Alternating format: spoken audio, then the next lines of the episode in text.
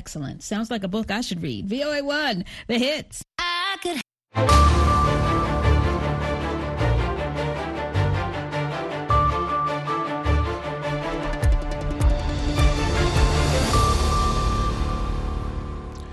halkani waa washington laanta afka soomaaliga ee v o a oo aad ka dhageysanaysaan mawjadaha gaagaaban efmiyada geeska afrika iyo caalamkao dhan oo aad nagala socotaan v o a somaly com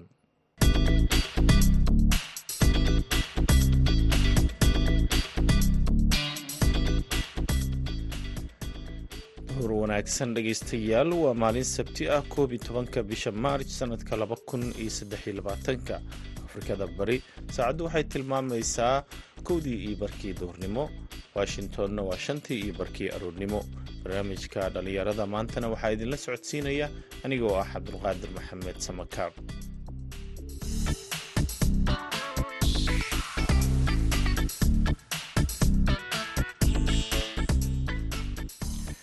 qodobada aad ku dhegaysan doontaan idaacaddeenna duhurnimo. Waxaa ka mid ah barnaamijka barnaamijkii madasha dhallinyarada oo toddobaadkan aan ku eegi doonno sida looga faa'iidaysan karo roobka iyadoo dunidu ay wajahayso isbeddelka cimilada oo saameyn xoogan ku yeeshay nolosha aadanaha. Waxa weeye roobku markuu doo marmar berigii hore roobku wakhtiyuu di'i jiray bilooyin buu di'i jiray gu iyo xagaa bay ahayd iyo jiilaan laakiin imanka hawe isbeddelka cimilo isbeddelka imanka wixii o dhan way isku wada dartay roobabkii ama way yaraadeen ama markay da'aan xoog bay u da'ayaan oo la manafacaadsan maayo. Kaalmihii heesaha ayaad sidoo kale maqli doontaan ciyaarihii balse intaasoo dhan waxaa ka horreeya warkii dunida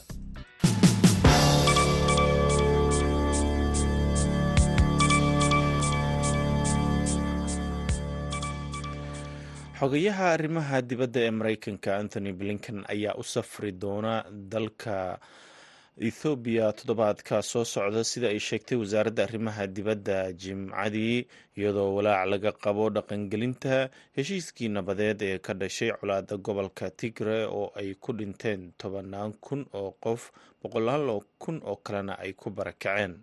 Booqashadan oo lagu wado in ra'iisul wasaare abiy axmed uu ka shaqeeyo sidii uu mar kale uga soo muuqan lahaa masraxa caalamka kadib dagaalkii tigre ee labadii sano ee la soo dhaafay ayaa ku soo aadaysa iyadoo ciidamada shisheeye ay ku jiraan gobolka iyo caqabadaha maamulka ee dhibaateeyey gurmadka howlaha bini-aadanimada blinkan ayaa sidoo kale booqan doona niger oo ah saaxiibka muhiimka ah ee amniga mareykanka sida lagu sheegay bayaan uu soo saaray afhayeenka wasaaradda arrimaha dibadda ned press waxaana booqashadan ay noqon doontaa tii ugu horreysay ee abid uu ku tago dalka niger xogayaha arrimaha dibadda ee mareykanka afrika ayaa u soo baxday inay diiradda saareyso ama ay saarto washington iyadoo dooneysa inay isu muujiso inay tahay saaxiibka dalalka gobolka iyadoo oo tartan kula jirta shiinaha oo isku dayaya inuu ballaariyo saameyntiisa isagoo maalgelinaya mashaariicda kaabayaasha ee qaaradda booqashada adis ababa ee nemi waa mid ka mid ah booqashooyinka heer sare ee maamulka biden uu qorsheynayo inuu ku tago sanadkan. Madaxweynaha dalka tunisiya qays saciid ayaa sheegay xalay inuu soo celinayo xiriirka diblomaasiyadeed ee dalkiisa uu la leeyahay syriya kaas oo xumaa in ka badan toban sano kadib markii ay ka soo horjeesteen tacadiyadii dimashik ee ka dhanka ahaa dibadbaxyada mucaaradka. Madaxweyne saciid oo uu la fadhiyo wasiirkiisa arrimaha dibadda nabiil camaar ayaa sheegay inaysan jirin sabab uu u maqnaan karo safiirka tunisiya ee dimashik iyo sidoo kale wakiilka syriya u fadhin doono tunis wuxuu intaasi ku daray in arrimaha gudaha ee syriya iyo su'aalaha ku saabsan ay u yaalaan oo keliya maamulka syriya isagoo ka soo horjeestay inay farageliyaan arrimaha iyo rabitaanka dalalka kale. Xiriirka tunisiya iyo syriya ayaa xumaaday sannadkii laba kun iyo labaiyo tobankii kadib markii dowladda uu hogaami aan idhaahdee dowladda tunisiya ay ceyrisay safiirkii syriya u fadhiya dalkooda iyadoo ka jawaabaysay siday uga soo horjeedaan banaanbaxyadii uu dhiiga ku daatay ee ka dhacay dimashik iyo sida dowladda asad ay ola dhaqantay dadkii ku banaanbaxayey siciid ayaa sheegay inuu xoojin doono matalaadda diblomaasiyadeed ee markaasi ay ku leeyihiin dalka syriya dhegeystayaal warkeennii dunidana waa nageynta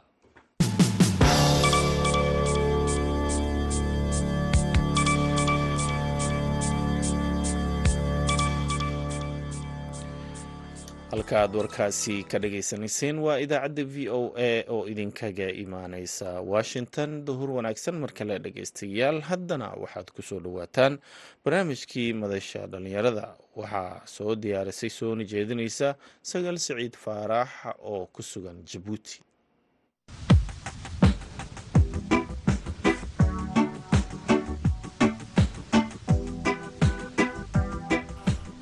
wacan wanaagsan dhegaystayaal dhammaantiiba ku soo dhawaada waa mar kale iyo barnaamijkeenii madasha. Oo hadahan oo kale maalin walbo sabtiya aad ku dhagaysataan barnaamijka dhalinyarada maanta.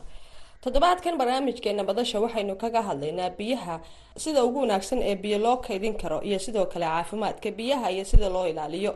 Waxaana barnaamijka igala qeybgelaya faysal cali xaashi oo ah khabiir ku takhasusay dhinaca biyaha iyo ammaankooda. Waxa uuna faysal la shaqeeyaa hay'adda u s aid oo uu kala shaqeeya dhinaca biyaha deegaanada soomaalida gaar ahaana deegaanka etoobiya waxaana faysal ka wareystay bal biyaha iyo abaaraha iyo sidoo kale sida ugu wanaagsan ee biyo soomaalidu ay u kaydsan karaan. Isagale waad mahadsan tahay. Abaartii iyo biyo la'aantu isku xiran yihiin. Biyuhu dee marka ugu horeysa waxay ka yimaadaan cycle bay maraan hawada dhirta ayaa hawada cirka u dirta iyagoo roob ahaana ayay noo soo noqdaan marka dhibaatooyinka abaaraha iminka kenya waxa weye dhirtii oo la jaray oo nabaad guur lagu sameeyey geeska africa oo dhan especially meelaha ay soomaalidu degan tahay. Dhirtii markii la waayey xoolihii la manafacaadsanayey iyaguna waxa weye wixii ay cunayeen bay waayeen marka waxay noqotay reeguuraagi noloshii reeguuraaga inay adkaato oo dadku marba meel u guuraan. Markay meel ka guuraan meel u guuraanna biyoyaradii colaaday keentay oo dagaalo iyo waxbay keentay. Marka biyo la'aantu iyo abaartu waa isku mid untay mar haddaad biyo weydo waa abaar. Definitionku waa sidaa marka haddii markii dadka roobka u da'aan oo kale haddii biyo la kaydsado oo laga yaabo hadduu roob muddo di'in laakiin roobabkii hore biyahooda la kaydsado taas taas dadka maxaa inta badan ma dhaqaalo badan bay u baahan tahay maxaa dadka hortaagan? Maadaama tahay khabiir dhinaca biyaha waad mahadsantahay sagaley waxa weeye roobku markuu da'o marmar berigii hore roobku waktiyuu di'i jiray bilooyin buu di'i jiray gu iyo xagaa bay ahayd iyo jiilaal. Laakiin imanka hawe isbeddelka cimilo isbeddelka imanka wixii o dhan way isku wada dartay. Roobabkii ama way yaraadeen ama markay da'aan xoog bay u da'ayaan oo la manafacaadsan maayo. Abaaruhu berigii hore haa toddobadii sano tobankii sanaba mar bay dhici jireen laakiin iminka labadii sanaba saddexdii sanaba mar bay dhacaan. Marka waa runtaa waa in biyaha la kaydsado waxaa jira cilmi cusub oo eriyadeenna iminka ka jira oo hafiir dhaamiska la yiraahdo oo ah dhaamam waaweyn oo ilaa boqol kun ilaa laba boqol oo kun oo kilomitr oo biyo a qaadi karayo oo lagu gaari karayo roobka roob ha marka haddii taa la samayso wax wanaagsan laakiin imika waxaad moodaa dhaqaale darro awgeed inaan hafiir dhaamiskaas aan la samayn karin. Somalilan mid baa laga sameeyey sannadkii hore roob badan baa sanadkan galay. Waanu eegi doonaa waa degmada ma wuu dhammaaday wuu shaqeeyaa. Degmada faraweynaa laga sameeyey roobkii sanadkan uu ka soo raagay. Laakiin marka roob badan baa galay marka waanu eegi doonaa sida xoolo dhaqatadu ay uga manafacaadsato sanadkan markii la eego degmadeen oo kale ama soomaalida ama afrikadanba dhaqaalo badan dunida hore martay dhaqaalo badan waxay ka helaan waxa ka soo baxa wadankooda marka biyaha waa waa waa lafdhabarka dhaqaalaha.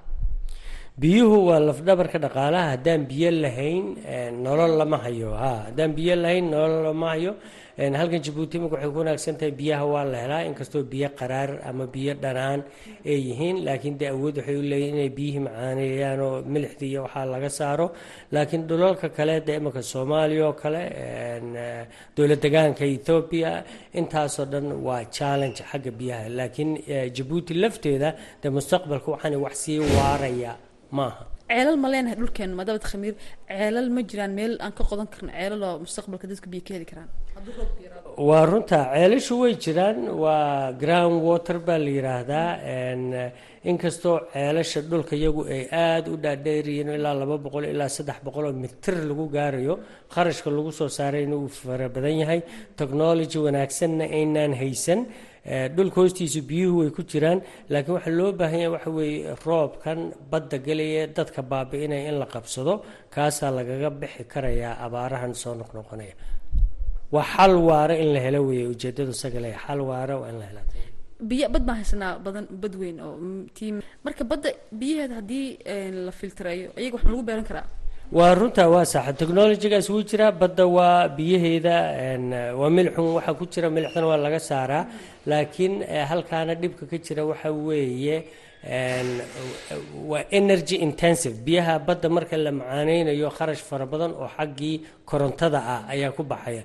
Marka biyaha dhulka hoostooda ku jira waxay ku wanaagsan yihiin markiiba marka la soo saaro iyagu waa la cabaa. Laakiin kuwan technology xoog leh oo kharash fara badan leh ayaa ku baxa. Inkastoo ay jiraan meelo technolojiyo yaryaroo mobile oo iminka loogu talagalay dadka reer guuraaga ah oo solar technology ah oo biyahana macaaneeya inkastoo kabaasitigooda uu yaryahay iyaguna way jiraan magaalada caynaba. Tusaale ahaan mid baa laga sameeyey oo iminka shaqeeyo ilaa afartan cubic meter.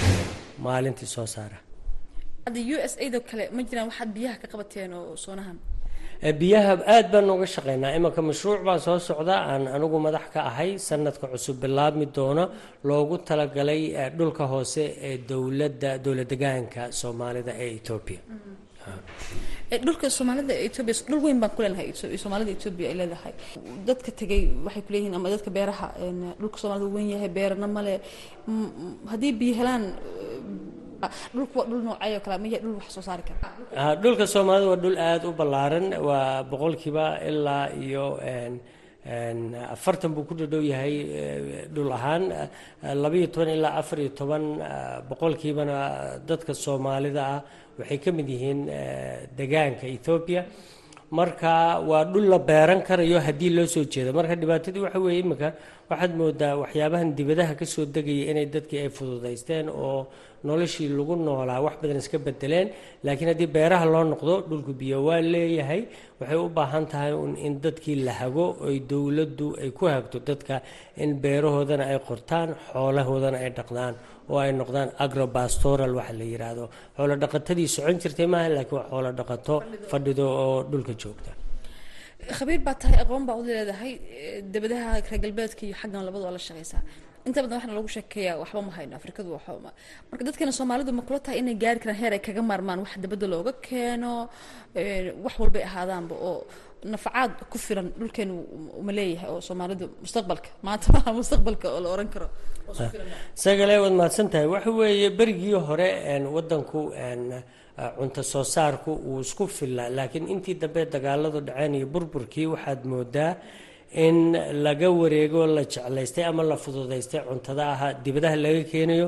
Laakiin haddii dadku u soo jeesto in dhulka la beerto beerahii dee waa wax jira kalluumaysigii waa wax jira manafacaadka iyaguu nagu filan yahay. Laakiin waxaad moodaa xaggii dhaqankiibaa dadkii waxay fududaysteen in waxyaabahan dibadda laga keenayo oo aan weliba la hubin caafimaadkooda iyo tayadooda ay dadku jeclayseen. Laakiin dhulbeereedka iyo kalluumaysigaba waa wax soomaalida inaga badan. Waxaan maqnaa anagu dunida saddexaad baan nahay. Raggan dunida koowaad tegay noloshooda ama biyaho kale hadda maraykan baa ka imatay sidee bay ku gaareen noloshan ay ku nool yihiin biyaha nadiifta horumarkan waxaan qaabkay ku gaareen.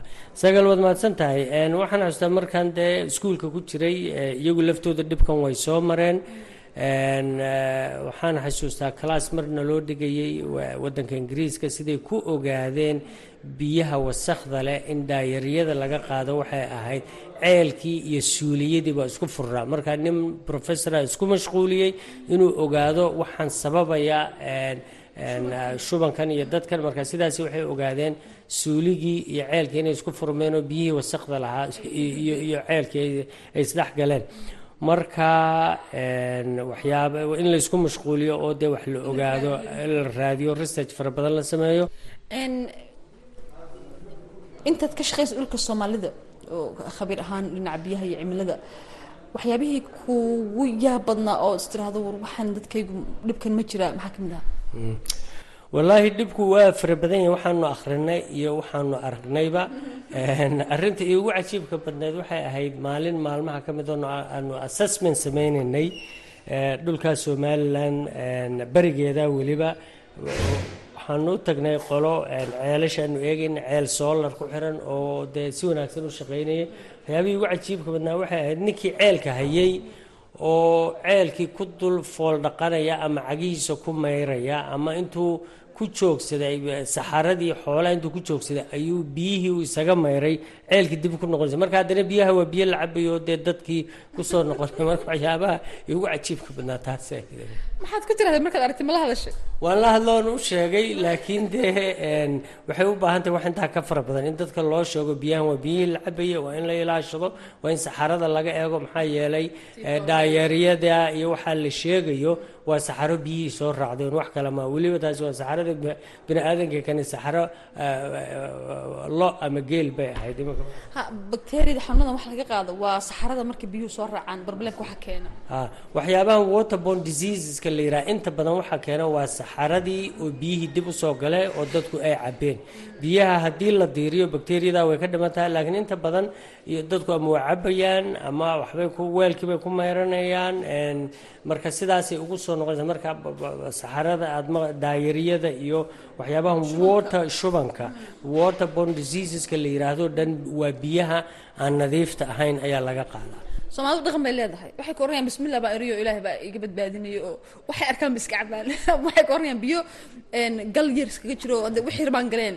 Marka dhaqankii garanaysaa bisinku wuu wanaagsan yahay laakiin biyuhu dee dhowr marxaladood bay maraan. Cuduradana inta badan adduunka saddexaad oo dhan. Soomaalida qoramaa adduunka saddexaad oo dhan cudurrada dadka haysta waa waterborne disease waa biyaha oo aan nadaafad ahayn waa biyaha wasakda leh oo la cabayo ama wax lagu karsanayo ama cuntadiiba lagu dhaqayo marka biyihii dabkii haddii la saaro wixii ku jira dhibaataha ma ka baxayaan? Ha biyaha marka la diiriyo sagale waxa weeye one minute haddii si wanaagsan loo diiriyo waxa liya wixii bacteria ku jira way ka baxaan. Laakiin biyihii la diirin maayo iyadoo sideeda ama ceelkii ama berkadii ama weel nadiif leh ama weel aan nadiif ahayn baaba la darayaa. Marka halkaa waxaa ka imanaya contamination wax la yidhaahdo oo dee shubankan laguu sheegayo waa waxyaabaha waa biyaha nadiif ahayn. Caruurta ugu badan carruurta waxaad arkaysaa qoys reerkii dhan shumaya ilmo yaroo dhakhtarada waxaad arkaysaa biyahay siiyaan ama biyo aan daboolnayn oo kale jirgaamadii iska furan ama wixii biyo ku jirana furan. Marka haddaad tala siiso waalidka kale waad fahmi karaysaa waalidka hooyooyinka oo kale maxaad oran lahayd? Talada waalidka la siinaya waxa weye carruurta kuwa sanadka ilaa shanta sano wixii ka yar inta badan dhibaatadooda waa biyaha wasaqda leh. Marka biyo wasaq la cabaana ilmihii waa dhacaan baxaya ama waa fuuq baxaya. Markuu fuuq baxana dee waa nafaqo lagu soo celiya la heli maayo. Marka muhiimadda ugu horreysa waxa weeye in carruurta biyo nadiifa la siiyo.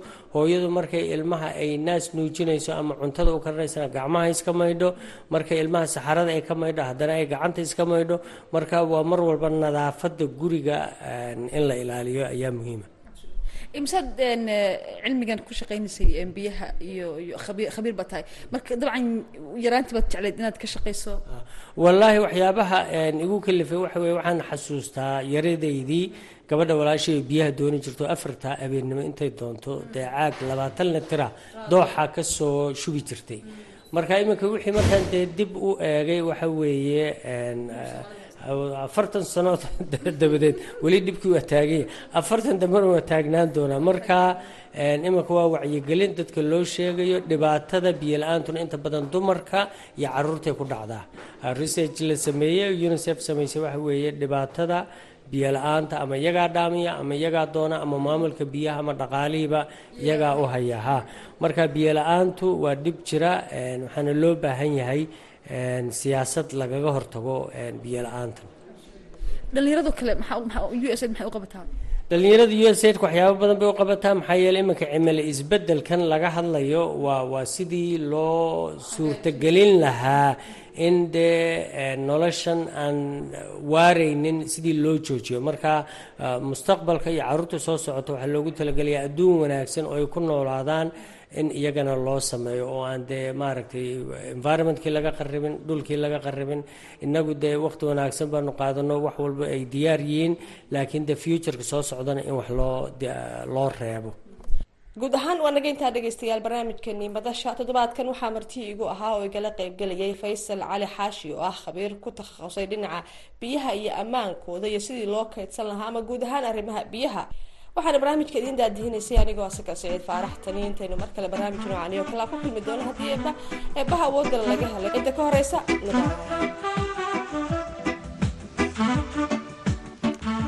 aaday u mahadsan tahay sagal siciid faarax oo nala socodsiinaysay barnaamijkii madasha dhallinyarada. Markana britain dowladda britain ayaa sheegtay inay shan boqol oo milyan oo geni ugu deeqayso faransiiska si looga hortago muhaajiriinta doonyaha yaryar kaga gudba xeebahaasi xeebaha u dhexeeya britain iyo faransa. Warbixin gaara oo ku saabsan umuurtan waxaa magaalada london nooga soo diray wariyaha v o eda cabdixaafid cawil ismaaciil. Lacagtan ayuu ra'iisul wasaaraha british rishi sunak kaga dhawaaqay shir gaar ah oo ay ku lahaayeen madaxweynaha faransiiska emmanuel macron magaalada baris ee xarunta dalka faransiiska. Macron ayaa isaguna sheegay inay dhaqaalahaasi wax ku darayaan. Lacagtan ayaa loo qoondeeyey shan boqol oo askari oo dheeraad ah oo hawshan ka shaqo geli doona. Faransiiska waxaa laga dhisi doonaa xarun lagu hayo muhaajiriinta socdaalkan isku dayda. Mashruucanna si buuxda waxa uu hirgeli doonaa sanadka labada kun iyo lix iyo labaatanka. Waxaa la qorsheynayaa in britain saddex iyo lixdan milyan oo giniga ingiriiska ah in lagu xaliyo dhibaatadan muhaajiriinta sanadkan laakiin dhaqaale kale ayaa u muuqda in laba uu laami doono iyadoo london bixin doonto boqol iyo labaatan milyan oo gini sanadaha labada kun iyo saddex iyo labaatanka iyo afar iyo labaatanka. Kulankan haddaba ay yeesheen ra'iisul wasaare riishi sunak iyo madaxweyne emmanuel macron kuma ekeyn oo keliya muhaajiriinta ka soo gudba xeebaha u dhexeeya labada dhinac. In muddo ah xiriirka baris iyo london ma uu wanaagsanayn gaar ahaana intii ay britain ka baxday midooda yurub. Waxa kale oo jira ismaandhaaf lagu ilaalin jiray diblomaasiyadda oo labada dal u dhexeeya muddo dheer. Hogaanka midooda yurub ee baris iyo london waxaa ka jiray ficil laakiin booskaasi waxaa banaysay london. Taariikh ahaan marka la eego baris iyo london waxaa ka dhexeeya ismaandhaaf soo jireen maxamed ibraahim yarari oo ka faalooda arrimaha britain ayaan weydiiyey bal inuu wax ka sharxo ismaandhaafkaasi xaafidow xidhiidhka u dhexeeya ingiriiska iyo faransiisku wuxuu ahaa mid ku salaysan loolan dheer oo taariikhi ah. Loolankaasoo markii hore la xidhiidhsanaa xukun iyo adigu boqortooyo ay ku dagaalamaan. Markii dambena adigu laga soo bilaabo qarnigii lix tobnaad waxa uu yeeshay weji diiniya. Kabacdi markii ay dowladda amin ingiriisku ka baxay madhabtii katoliga ee uu qaatay madhabta protestanka ee kiristaanka waxaa jiray dagaallo soo dhex maray boqolaalkaa sannadood ingiriiska iyo faransiiska. Dagaaladaasoo ay ka mid ahaayeen kii boqolka sano midkii la odhan jiray dagaalkii toddobada sano kuwii la magac baxay dagaaladii naboleon wakhtigii boqorka ka ahaa naboleon faransiiska ka talinayay waa qarnigii sagaal iyo tobnaad laakiinse heshiiskan saaxiibtinimo ingiriiska iyo faransiiska dhex yaallaa wuxuu soo bilaabmay uun bilowgii qarnigii labaatanaad kun sagaal boqol iyo afartii. Markaasoo ay kala saxeixdeen heshiiskan la yidhaahdo ontont cordial oo la saxeexay kun sagaal boqol iyo afartii. Kaasoo lagu xusay boqol guuradiisii isagoo madaxweynihii faransiiska ee wakhtigaasi shak shirak uu booqasho rasmiga ku yimid waddankan u k iminka dhibaatada ugu weyne dowladda rishi sunak haysataa waxa weeyaan in wax laga qabto dadka soo galootiga ka soo tallaabaya faransiiska ee soo gelaya england kaasoo dowladda england ay markii horena ku bixisay lacag lixdan milyan sannadkii hore maantana la sheegay inay bixin doonto shan boqol oo milyan si wax looga qabto dadkaas soo galootiga imanaya waddankan madaxweyne macron ayaa kulankan ku tilmaamay xilligii isu soo dhowaanshaha ra'iisul wasaare sunak ayaa isaguna sheegay in la gaadhay xilligii labada dal samaysan lahaayeen xidhiir cusub sidaasise ma tahay. Maxamed xasan dable oo ah falanqeeyo degan magaalada leste ee dalka britain ayaan weydiiyey waxa uga soo baxay kulankan gaarka ah ee ay labada mas'uul yeesheen. Cabdi xaafid markuu shirkoodii soo dhammaaday rishi sunaga u k iyo emmanuel macronka faransiis waxay shaaciyeen oo shir jaraa-id ku qabteen magaalada baris waxayna sheegeen inay heshiis ka gaareen caqabado ay wadaagaan. Ta ugu horeyso dadka ka soo tallaabaya faransiiska ee u soo gudbaya dhinaca ingiriiska ee qaxootiga ama muhaajiriinta ayagoo adeegsanaya duumaha yaryarka oo naftooda halis soo gelinayo in uu faransiiska ka ilaaliyo inaynu soo gudbin. Ingiriiskana wuxuu bixin doonaa afar boqol iyo sideetan kun oo pound saddexda sano ee soo socoto si loogu maalgeliyo mashruucaas. Ciidamo isku dhaf ah oo ilaa shan boqol ka kooban hal talis ana leh adeegsan doonana muxuu ahaye daroonada iyo diyaarado ay ku kormeereynayaan badda ayaga oo raba inay ayaga oo hor istaagi doono qaxootigaas. Tan labaad in ay u tababaraan ukraine ciidamada badda si ay iskaga difaacaan ruushka. Tan saddexaad ardada u socdaaleyso labada dhinac ee waxbarasho u soconayso in safarka loo fududeeyo. Iyo tan afraad oo ah inay sameystaan mashruuc barnaamij shidaal oo labadoodaba ay iska kaashanayaan kuna noqon doonaan wadaag si ay oga maarmaan ruushka iyo muxuu ahay caqabada uu ku noqday. Xeer ilaaliyaha xisbiga mucaaradka ee britain emily tombery ayaa xisbiga talada haya ku eedeysay inay ka soo cararogteen dhibaato hore mid cusubna lugaha la galeen. Waxa ay sheegtay ka hor inta ay dowladda riishi sunak lacag u dirayso baariis in ay ka warbixiyaan faransiiska waxa uu ku qabtay boqolaal milyan oo hore loo siiyey iyo guulaha ay sheegan karaan ee ay ka gaadheen joojinta doonyaha muhaajiriintu soo raacdo. Xidhiidh dhow oo ay yeeshaan baariis iyo london waxay u muuqataa inuu weli yahay dhado aan biyo lahayn.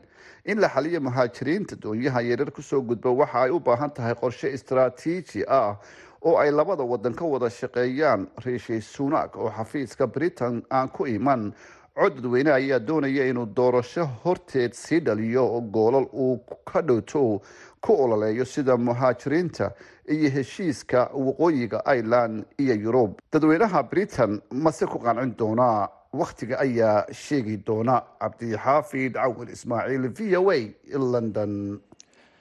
Markanna waxaad ku soo dhowaataan kaalmihii heesaha iyo codkii xasan aadan samater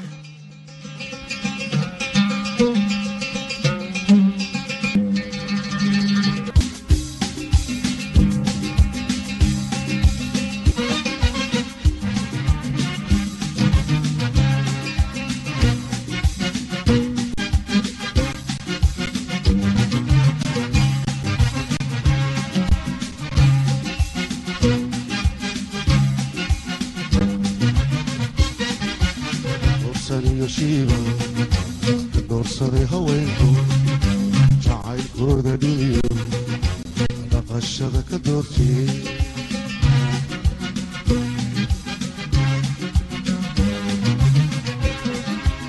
dorsaniyo shiiba ka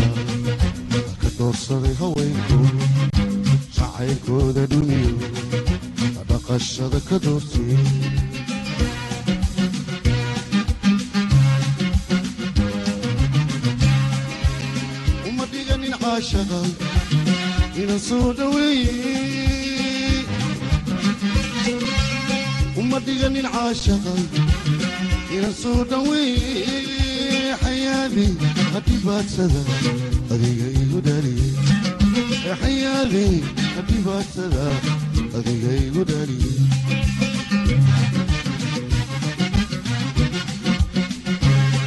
dabalkaaga xagalayey adeegiyo labinjalayey sunayaashaninayadayey isahaa u dhaadhacayey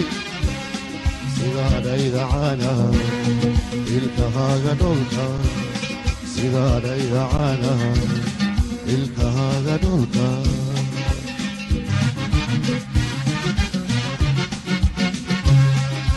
timahaaga dhiri ifashada dabaylu haddadhina u rogaya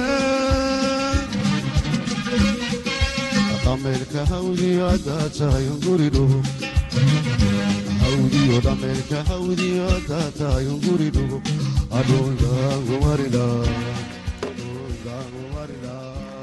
heestaasi xayaad iyo codka xasan aadan samater ayaa u dambeeyey idaacaddeenii duhurnimo. Waxaa idinla socodsiinayay anigoo samakaab ah tan iyo kulanti dambe nabadgelyo